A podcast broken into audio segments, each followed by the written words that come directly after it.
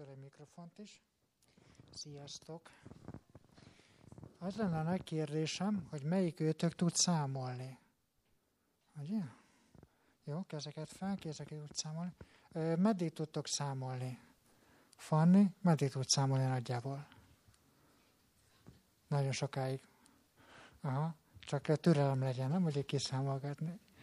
Miri, Miri, te meddig tudsz számolni? Tudod, Miri, azt tudod, hogy egy kis kutya, két kis kutya? Ha? Ja? Tízig? Na, tízig el tudsz, szuper.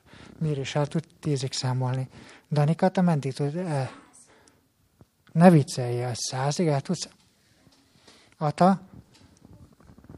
Aha. Szuper. 21-ig. Lányok? Te meddig tudsz? 65-ig? 65, 21, 10, 100-ig. Akkor mondjuk, ha kimentek éjjel, vagy hát nem éjjel, mert éjjel aludni kell, de ha este, most már egészen korán van este, kimentek az égre és felnéztek, akkor hány csillagot tudnátok megszámolni? Meg tudnátok 65-öt, 21-et, 100-at, 10-et, 10-et, aha, Jólcs is 10-et meg tud számolni, Hány, hány csillag van az égen szerintetek, amit meg lehet számolni? Több milliárd. Több milliárd. Bendi azt mondja, hogy több milliárd csillag. Jó, hogy ide kijöttetek, mert akkor így megnézhetitek ezt, a, amit akarok nektek mutatni.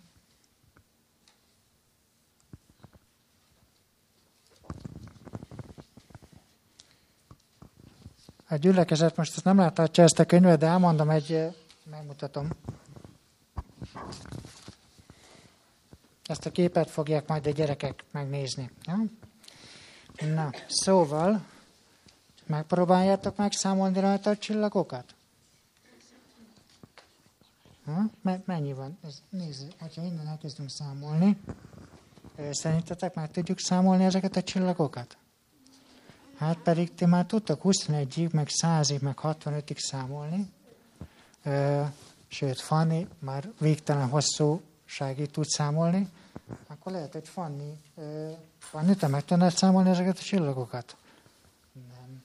Nézzétek, még, még ilyen, ilyen, csodás dolgok, ilyen csodás dolgok vannak itt. Itt is csillagok, meg üstökösök. Hát azok itt vannak üstökösök is. Tehát nagyon sok, nagyon sok csoda dolog van, ami, ami minket körülvesz. Szerintetek honnan származik ez a sok-sok-sok-sok minden? Honnan származhat? Hm? Hát, az Istentől. Mi azt gondoljuk, hogy ezeket az Isten teremtette, ezeket a kicsikéket, de még a nagyokat is. Nagyokat is Isten teremtette, Jézus teremtette. Aha. Nem csak ezeket a nagy dolgokat teremtette Isten, vagyis nem csak ezt a nagy, nagy, nagy, nagy hatalmasságot, ezt a nagy csodálatos mindenséget, de megnézzétek ezt a képet,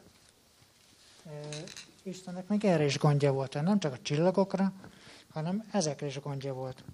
Az oroszlára, a kecskére, még itt van ez a kis cica, ezt a kis cicát is Isten teremtette. Sőt, még a fűszalakat, a fűszalakat meg lehet számolni, szerintetek? Fűszalból is nagyjából annyi annyi, majdnem annyi van, mint csillagokból. Képzeljétek el, hogyha kimennétek a kertbe, és elkezdenétek fűz... Hát próbálj meg megszámolni. És akkor, akkor ki tudja, hogy, hogy melyikből lesz több. Csináljatok egy versenyt, hogy valamelyikőtök számoljon csillagokat, valamelyikőtök meg számoljon fűszálokat. Jó, és akkor, akkor meglátjuk, hogy melyikből van több. Látjátok ezt a sok madarakból Benne, hát azt nem látjuk a vízben, mik vannak, de vízben vannak halak. Nagyon sok minden. De ezeket is Isten teremtette a picikéket, meg ezeket a hatalmas, óriás, óriás dolgokat is. Nézzük meg, hogy Isten mit mond arról. Isten szava mit mond arról, hogy kiteremtette ezeket. Jó, felolvasok egy... Felolvasok nektek egy szép verset a, a Bibliából.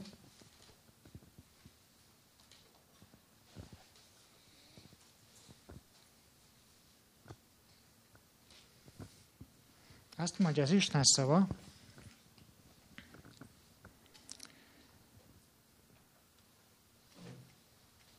hogy nekünk egy Istenünk van, az Atya, akitől van a mindenség, és mi is benne. És egy Urunk, a Jézus Krisztus, aki által van a mindenség, és mi is ő benne, és mi is ő általa. Tehát ezeket a hatalmas dolgokat, és ezeket a, hát nem is annyira apró, de a csillagokhoz képest mi azért elég apró dolgok vagyunk, minket is az Isten teremtett, Jézus Krisztus által teremtett minket az Isten. Egy nagyon szép ének, amit én most nem fogok elénekelni, több minden miatt is, főképpen azért, mert én nem nagyon tudok énekelni, de hogyha hazamentek, akkor anyát megkéritek, van egy szép ének, amire az, hogy, hogy kiteremtette ezt a világot, kiteremtette az egész világot, te ismered? El tudod énekelni? Kiteremtette ezt a világot, az egész világot, az egész világot. Kiteremtette ezt a világot, Atyánk Istenünk. Ha ezt majd anyát megkéritek, ő biztos sokkal szebben el fogja tudni énekelni, mint én. És ez az ének, és ez az ige, amit olvastam nektek, ez mind választod arra, hogy, hogy ezt a sok mindent, ezeket a nagyokat is, meg a kis dolgokat is Isten teremtette Jézus Krisztus által. Úgyhogy nagyokat is, és a kicsiket is neki köszönhetjük. Ezt a könyvet, ezt itt, ezt nyugodtan megnézegethetitek, nagyon érdekes könyv. Szerintem Samu, ja. Samu itt van, akkor kölcsön fogja adni nektek egy kis nézegetésre. Itt hagyom, jó? És akkor menjetek a helyetekre, akkor hallgassuk meg Andrá nénit.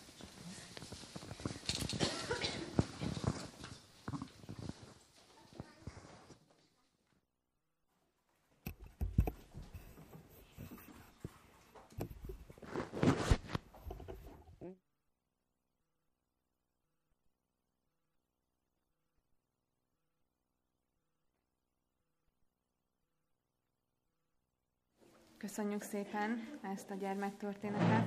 Most pedig megkérde, megkérjük Szilvási Csizmedia Andrá testvérnőnket, hogy nyissa meg számunkra az igét.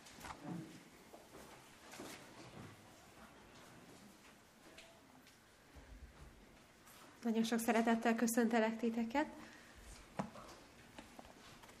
Az a kérdésem, hogy mondjatok olyan furcsa bibliai történeteket, amit, hogyha elolvastok, akkor uh, akár az is eszetekbe juthat, hogy ez mit keres itt a Bibliában. Ezzel mi volt Istennek a célja. Bármilyen furcsa, szokatlan, uh, akár hátborzongató bibliai történetet. Mondjatok uh, nekem a Bibliából. Csoroljunk fel egy párat. Egy kicsit hangosabban. Mert itt, itt hallottam, hogy valaki mondott valamit, de nem, nem értettem, hogy, hogy mit.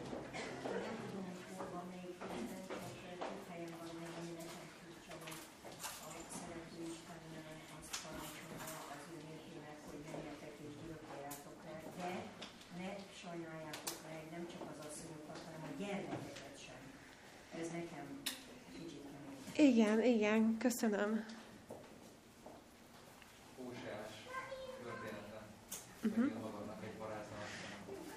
Igen. Igen, igen, köszönöm szépen.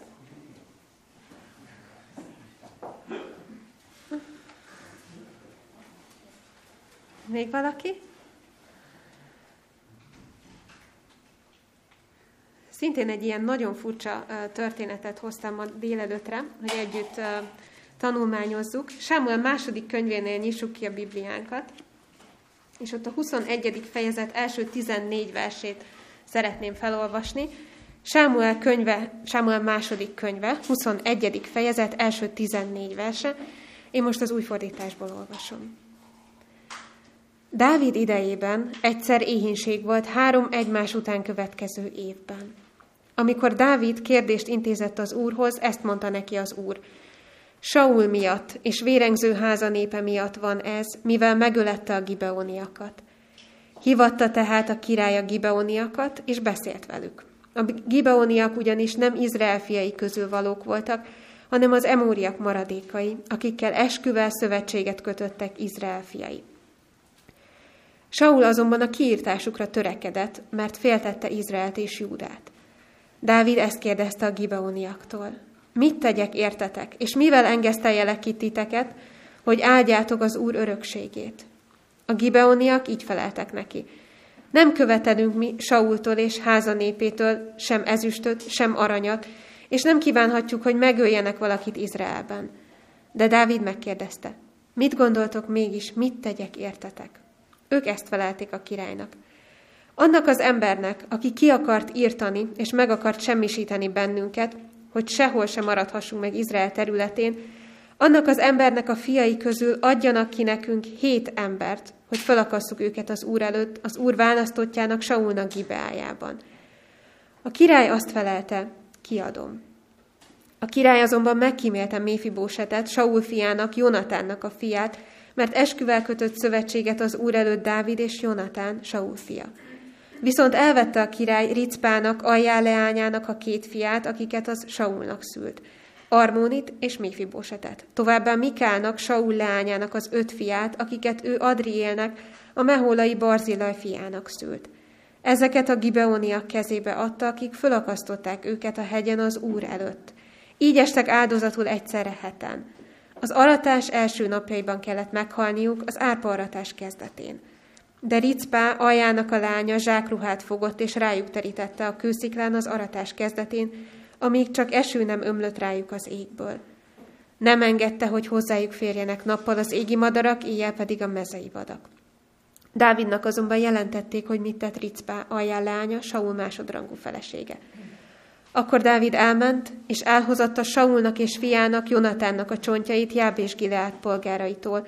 Ők ugyanis ellopták azokat Bécsán teréről, ahol fölakasztották őket a filiszteusok, miután megverték Sault a Gilboa hegyen. Elhozták tehát onnan Saulnak és fiának, Jonatánnak a csontjait, és összeszedték azoknak a csontjait is, akiket most akasztottak föl. Azután eltemették Saulnak és fiának, Jonatánnak a csontjait Benjamin földjén célában, apjának kisnek a sírjába. Mindent megtettek, amit a király parancsolt, ezután megkönyörült Isten az országon. Nem egy szemedgyönyörködtető történet, azt hiszem ebben egyetértünk. De keressük meg Istennek a benne rejlő üzenetét. A történet, ahogy olvassuk, egy három éves éhínséggel kezdődött, és nincs egyértelmű bizonyíték arra, hogy mikor lehetett ez a csapás, de azt leszögezhetjük, hogy bizonyára az után, miután Dávid magához vette Jonatánnak a fiát, Méfibósetet, miután őt elhozatta Lódebárból, és oltalmába vette őt. Az éjségre és a különböző csapásokra gyakran tekintettek úgy az akkori emberek, mint Isten nem tetszésének és haragjának a jelére. Dávid is az Úrhoz fordul. Tőle kérdezi a miértet, hogy miért van ez rajtunk, miért sújtja átok az országot. Isten pedig válaszol, Saul vérengzése és esküszegése miatt van ez. Hűtlenek voltak hozzá és azokhoz, akiknek Izrael népe évszázadokkal ezelőtt védelmet esküdött, és ezért vonta meg tőlük az áldását. Úgy olvashatjuk, hogy Saul ki akarta írteni a gibeóniakat, de kik voltak a gibeóniak? Józsué, igen, Józsué könyvében találkozunk velük, Józsué szövetséget kötött velük. Látták, hogy mit tett Isten Izraelért, látták, hogy hogyan foglalta el Izrael Jerikót és Ajvárosát, hogyan győzték le az ellenséges királyokat, és cselhez folyamodtak. Messze földről jött nép képviselőinek adták ki magukat, és szövetségre léptek Izraellel. 9. fejezet 15. verse úgy írja, hogy Józsué ráállt a békére, és szövetséget kötött velük azzal az ígérettel, hogy életben hagyja őket – a közösség fejedelmei pedig megesküdtek erre. És mivel minden csoda csak három napig tart, három nap múlva kiderült, hogy itt valami nincs rendben. Ők nem is olyan messzi népek, egész közel laknak. Pont azoknak a, azokhoz a népekhez tartoznak, akikkel kapcsolatban Isten adta azt a parancsot, amit már Otília is említett, hogy írtsák ki őket. És elindult Izrael, hogy számon kérje ezt a cselt rajtuk. 9. fejezet 18. versétől úgy szól az ige, hogy de nem koncolták fel őket Izrael fiai, mert a közösség fejedelmei megesküdtek nekik az Úrra, Izrael istenére. Emiatt zúgolódni kezdett az egész közösség a fejedelmek ellen, de a fejedelmek mind azt mondták az egész közösségnek. Megesküdtünk nekik az Úrra, Izrael istenére, nem bánthatjuk tehát őket. Józsué pedig ezt tette velük, megmentette őket Izrael fiainak a kezéből, valamint az Úr oltárának a favágói és vízhordói legyenek, ezt uh, parancsolta, azon a helyen, amelyet majd kiválaszt az Úr. Megmentette őket, és adott nekik egy feladatot, hogy az Úr a közösségnek, valamint az Úr oltárának a favágói és vízhordói legyenek azon a helyen, amit majd kiválaszt az Úr. Saul és vele együtt a nép azonban valami szörnyű dologra szánta el magát. Megszekték ezt az Isten előtt kötött szövetséget és esküt, és azoknak az életére törtek, akikkel kapcsolatban megesküdtek, hogy mi megvédünk titeket. Saul ezen borzalmas tettéről egyedül itt van egy konkrét feljegyzés a Bibliában, máshol nem beszél róla a Biblia. Viszont a jubileumi kommentár párhuzamba vagy összekapcsolja ezt a történetet a Nóbi papoknak a kiírtásával. Valaki esetleg emlékszik rá, hogy mi is volt ez a Nóbi papoknak a története?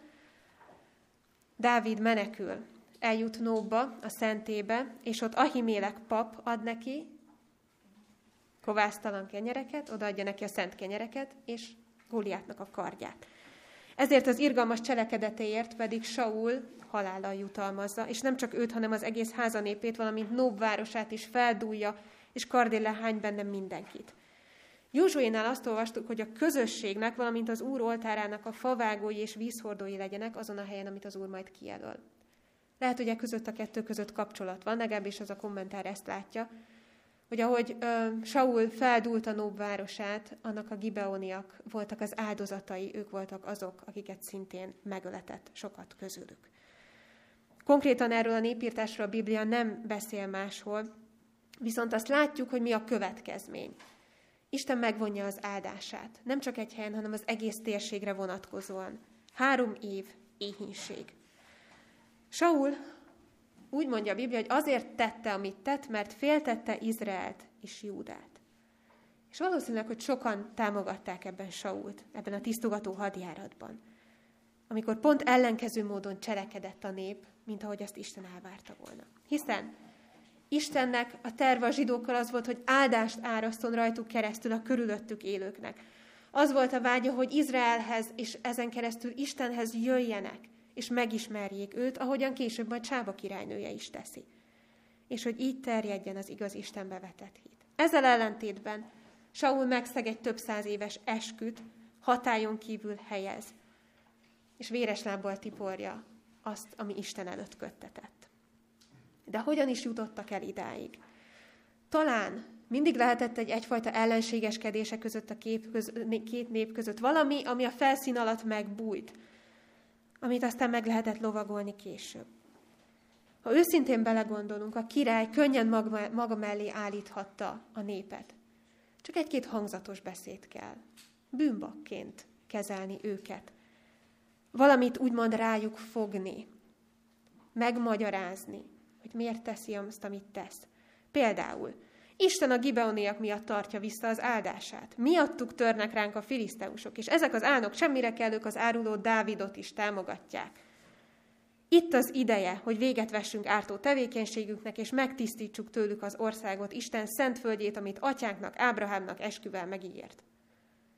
Elég csak néhány hangzatos beszéd, és a nép a király mögé áll, és kezdetét veszi a népírtás.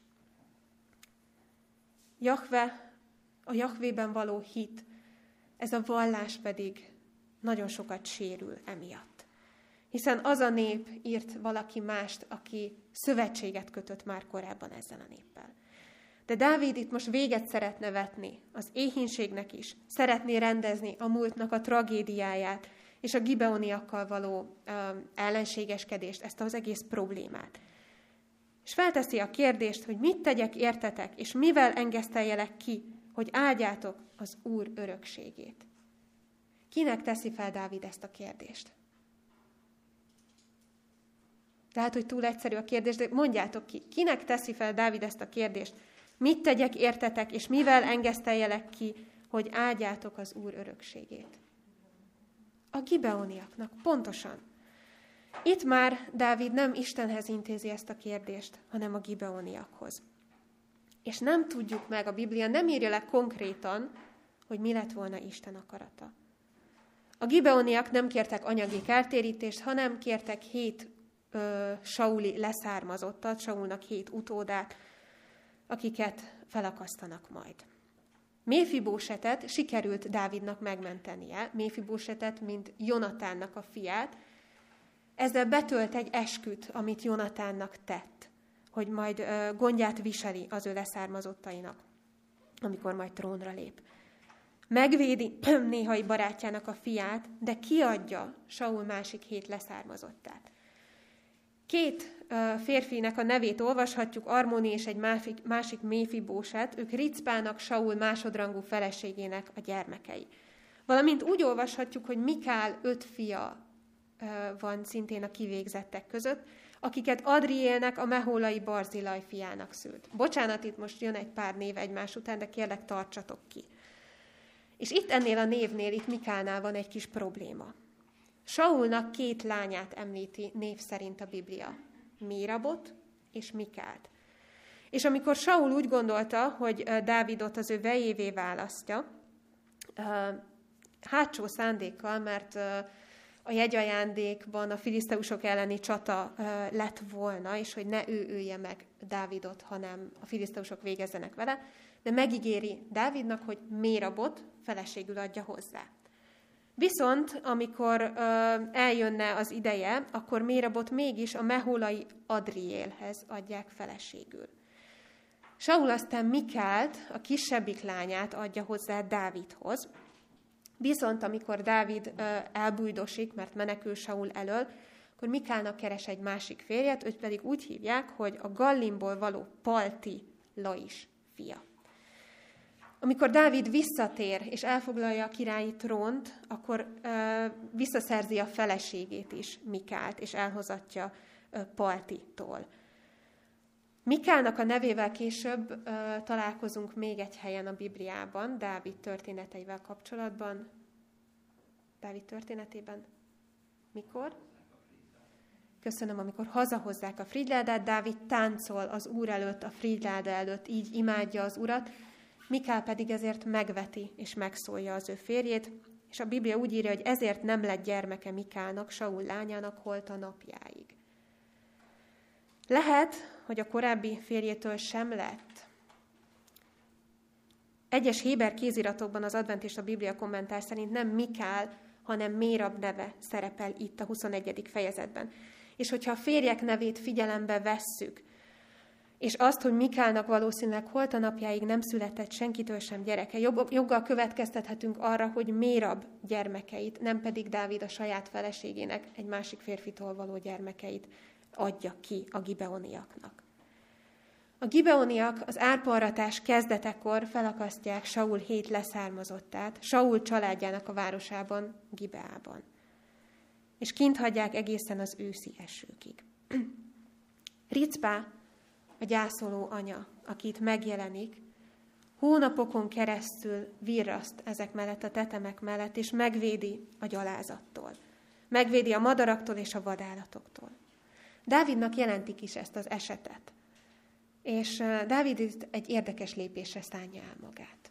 Ha a középiskolai tanulmányaitokra visszagondoltok, volt egy görög dráma, Sophocles Antigonéje.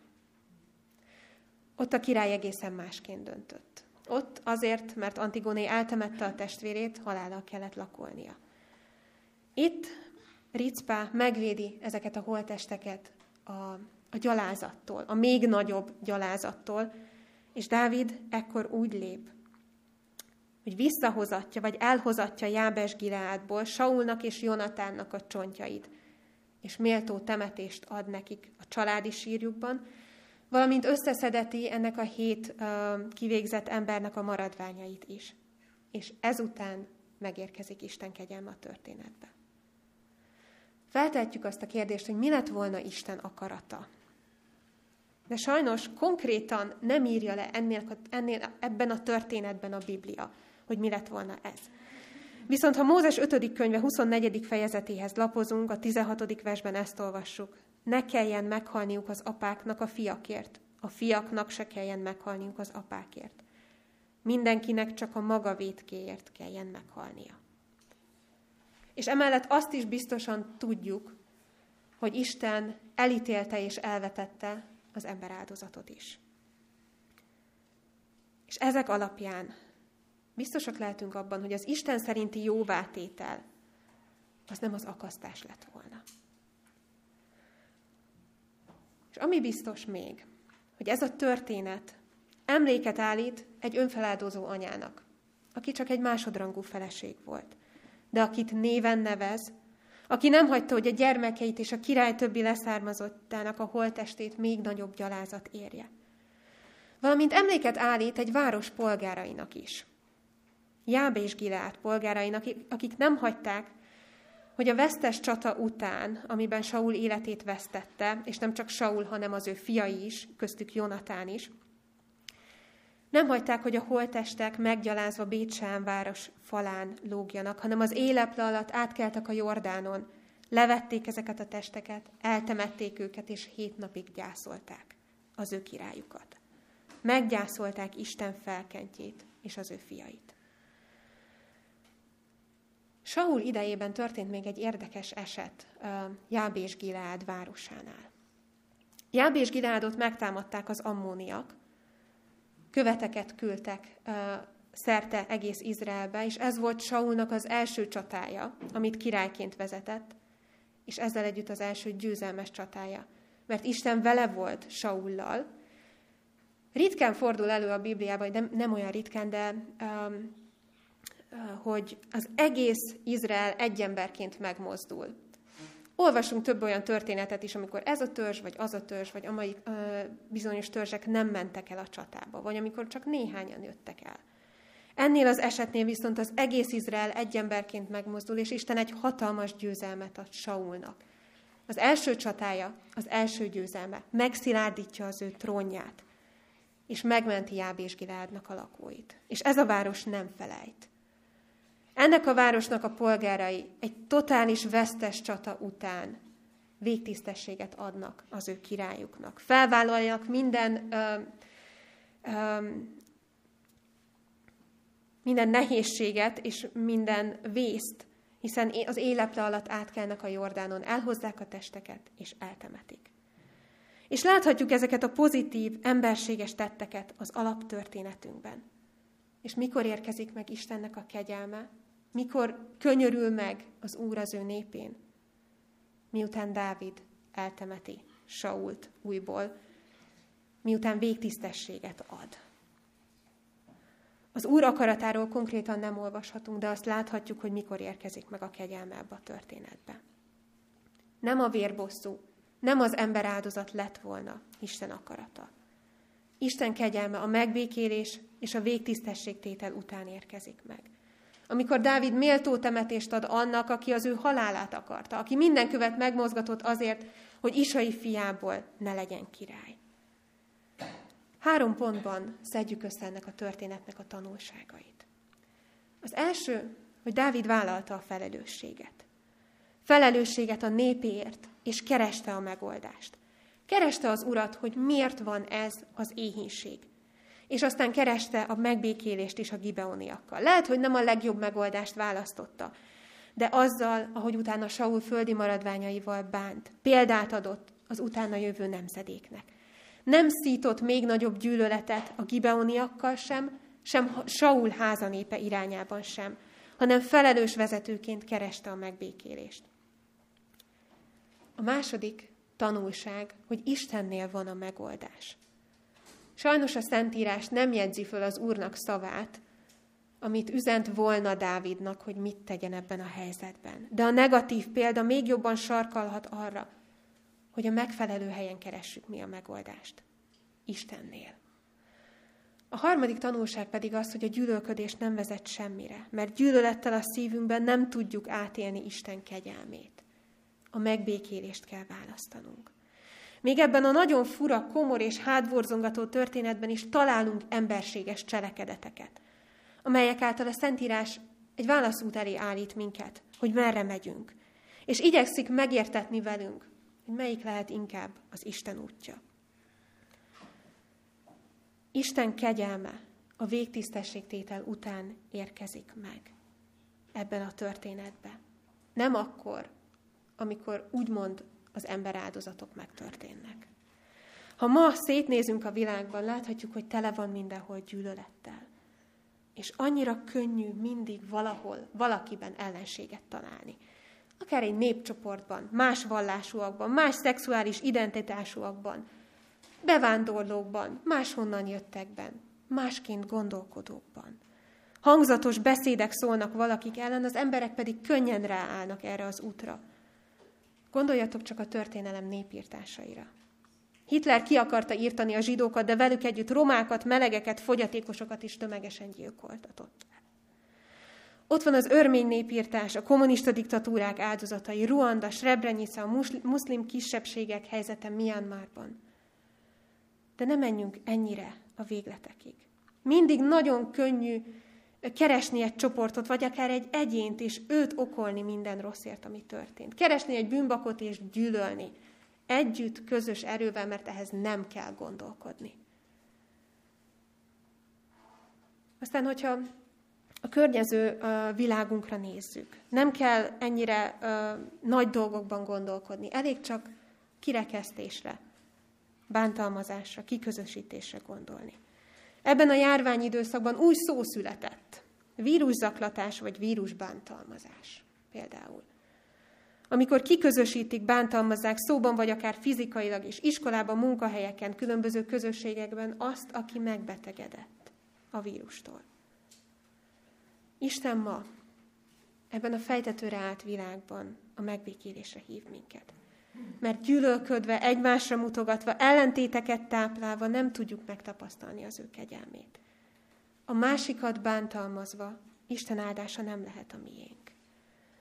Ezért vigyük haza mi is ezt a három tanulságot ebből a történetből. Az első, hogy vállaljuk a felelősséget, mert könnyű a másikra mutogatni, könnyebb mást okolni. De itt az ideje ma annak, hogy felnőttként elismerjük a saját felelősségünket, és megtegyük azokat a lépéseket, amiket nekünk kell megtenni. Ne a másikra mutogassunk, ne tárjuk szét a kezünket arra, hogy hát ilyen ez a világ, hanem éljünk a felelősségünk teljes tudatában. A második tanulság, hogy Istennél van a megoldás. Ne hagyjuk ki Istent a történtekből, ne csak a miértet kérdezzük meg, hanem azt is, hogy mi a te akaratod, mit cselekedjek. Álljon ma ez a bibliai történet figyelmeztető példaként előttünk. És tanuljuk meg, meglátni és elfogadni az Úr útját. A harmadik pedig, hogy a gyűlölettel a szívünkben nem tudjuk átélni Isten kegyelmét. Ez a komor történet emléket állít az emberséges tetteknek. Annak, amikor valaki a körülmények ellenére az irgalmasságot választja. Ricpá Jábés Gilát polgárai, és végül Dávid rendelkezése Saul temetéséről. Választuk mi is ezt az utat. Ne a körülményektől tegyük függővé a mi tetteinket. Ne a körülmények határozzák meg, hogy hogy döntünk egy adott helyzetben. Nem választuk az emberséget, az irgalmasság útját, Krisztus útját. Azért, mert Krisztus irgalmas volt már akkor hozzánk, amikor még mi az ellenségei voltunk.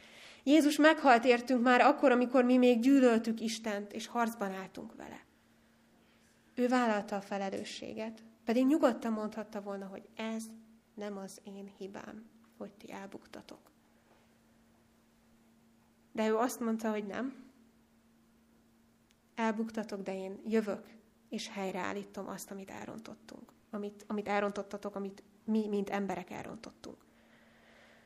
Ő az igazi megoldást hozta el számunkra. Nem csak egy ideig, óráig tartó enyhülést, hanem egy örök életre szóló megoldást, megváltást. És ezt ma nekünk, neked és nekem felkínálja. És ő az ő kegyelmét ajánlja fel számunkra, az újrakezdést, a megbocsátást. Izrael megtörte az esküt, amit a gibeoniakkal és ezzel együtt Istennel is kötött. És borzalmas tett következett ebből. És ez a borzalmas tett helyreállításért kiáltott. És mi sem vagyunk tökéletesek. Mi is megtörjük számtalanszor az Istennel kötött szövetségünket, vagy az emberekkel kötött szövetségeinket. De Isten ma arra hív bennünket, hogy lépjünk a helyreállítás szolgálatába. Ne a másikat nézzük, ne a másikat hibáztassuk, hanem azt az utat járjuk, amit Krisztus kezdett meg ezen a földön. Jöjjünk együtt elé, tegyük le a terheinket, a haragunkat, a bennünk lévő indulatokat, és fogadjuk el Krisztusnak a kegyelmét, hogy aztán ezt tudjuk továbbadni az embereknek. Az ő kegyelmét, hogy újra lássuk magunk előtt az igazi célt, Isten országát, az Istennel való kapcsolatot, és meglássuk a másikban a testvért, Isten szeretett gyermekét, akiért ő ugyanúgy az életét adta, mint értünk. Éljünk vele az emberséges, éljük vele az emberségesség életét, minden körülmény ellenére. Ne akasszunk fel senkit. Hagyjuk a gyűlöletnek az útját. Válasszuk az Istennel való szövetséget, a másikkal való szövetséget.